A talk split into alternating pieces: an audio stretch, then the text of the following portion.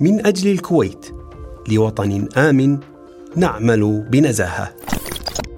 أهمية سيادة القانون. لدى تعريفه لمصطلح سيادة القانون أوضح الأمين العام للأمم المتحدة أنها هي مبدأ للحكم. يكون فيه جميع الأشخاص والمؤسسات والكيانات العامة والخاصة بما في ذلك الدولة ذاتها مسؤولين أمام قوانين صادرة علنا وتطبق على الجميع بالتساوي. ويحتكم في اطارها إلى قضاء مستقل وتتفق مع القواعد والمعايير الدولية لحقوق الإنسان. تكمن أهمية سيادة القانون في أنها أهم ضمانات حماية الحقوق والحريات حيث يعتبر القانون بمثابة المنظم للروابط الاجتماعية في المجتمع وتعد القوانين وثيقة ميلاد الأمم التي تضع نهجا ينبغي على كل فئات المجتمع في نطاق جغرافي معين احترامه والالتزام به فهو بمثابة عقد اجتماعي للمجتمعات توافق عليه الجميع بالإيجاب والقبول فالقاعدة القانونية في ذاتها تمثل ضابطا أخلاقي ومن يعتدي على هذه القواعد التي يفرضها القانون فإنه يتطلب محاسبته واتخاذ الإجراءات اللازمة نحوه فسيادة القانون في حد ذاتها سيادة للدولة وهو الحد الفاصل بين الاستقرار والفوضى وبدونه يسود منطق القوة المصحوبة بالظلم ويقل العدل وتضيع الحقوق. سيادة القانون والأمن.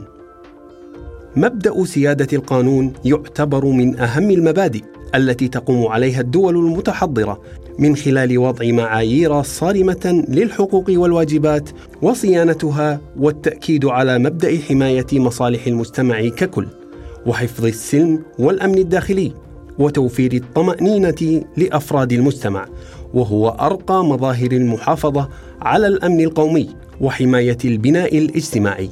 آثار انتهاك سيادة القانون تحمي القوانين حقوق الناس وحرياتهم ويؤدي المساس بهذا المبدأ إلى نتائج وخيمة أهمها تراجع ثقة المجتمع بالدولة ومؤسساتها والتأثير على هيبة القانون وضعف حماية المصالح العامة والقابلية لزيادة معدلات العنف والجريمة وتفتيت نسيج المجتمع وتوغل آفة الفساد. آليات تعزيز سيادة القانون. وجود رقابة فعالة لتطبيق القانون من خلال المساءلة والمحاسبة. تحلي السلطة التنفيذية والجهات المناط بها تطبيق القانون بالحيادية والموضوعية والجدية والنزاهة والشفافية في التطبيق. المساواة والمحافظة على حريات الأشخاص وعدم انتهاك حقوق الإنسان وعدم التهاون في تطبيق القانون.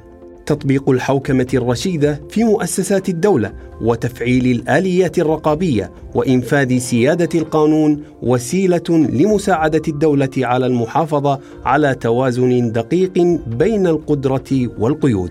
غرس قيم احترام القانون في المناهج التعليمية واستحداث السياسات والبرامج والمناهج الدراسية التي تدعم سيادة القانون وثقافة احترام القانون.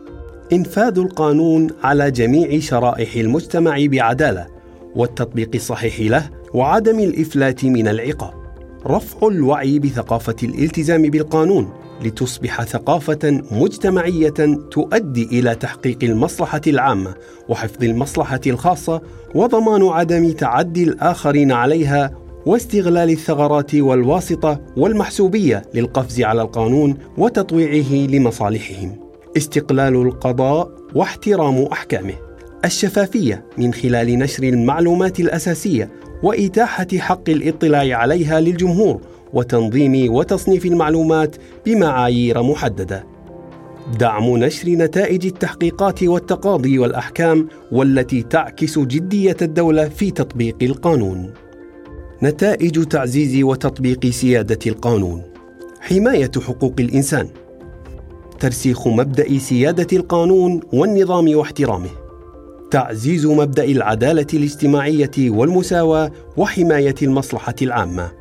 حماية الاستقرار الأمني والاجتماعي والسياسي والاقتصادي. رفع قدرة الصمود أمام التهديدات الداخلية والخارجية. تعزيز ثقة المجتمع بمؤسسات الدولة. تعزيز مبادئ النزاهة والشفافية في مؤسسات الدولة. الحد من مخاطر الفساد وآثاره ومنع أسبابها. نتائج تعزيز وتطبيق سيادة القانون. من أجل الكويت لوطن آمن نعمل بنزاهة.